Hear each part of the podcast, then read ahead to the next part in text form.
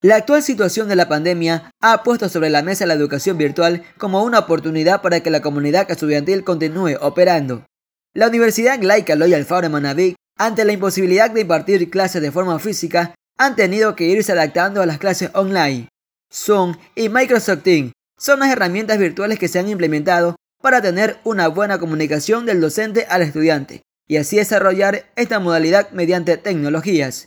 Sin embargo, no todos los estudiantes cuentan con herramientas tecnológicas, otros con problemas de conexión de Internet. Víctor Chávez, director de comunicación de la ULEAN, dio a conocer que los dos métodos de dar clase de manera sincrónica y asincrónica están controlados a la disponibilidad del estudiante para que así no tengan problemas a la hora de recibir clases. Han pasado cinco meses desde que empezó el confinamiento del COVID-19 en el Ecuador y en el sistema educativo aún se desconoce el retorno de las clases presenciales. Mientras tanto, nuestra alma mater prepara los protocolos de bioseguridad para su pronto retorno.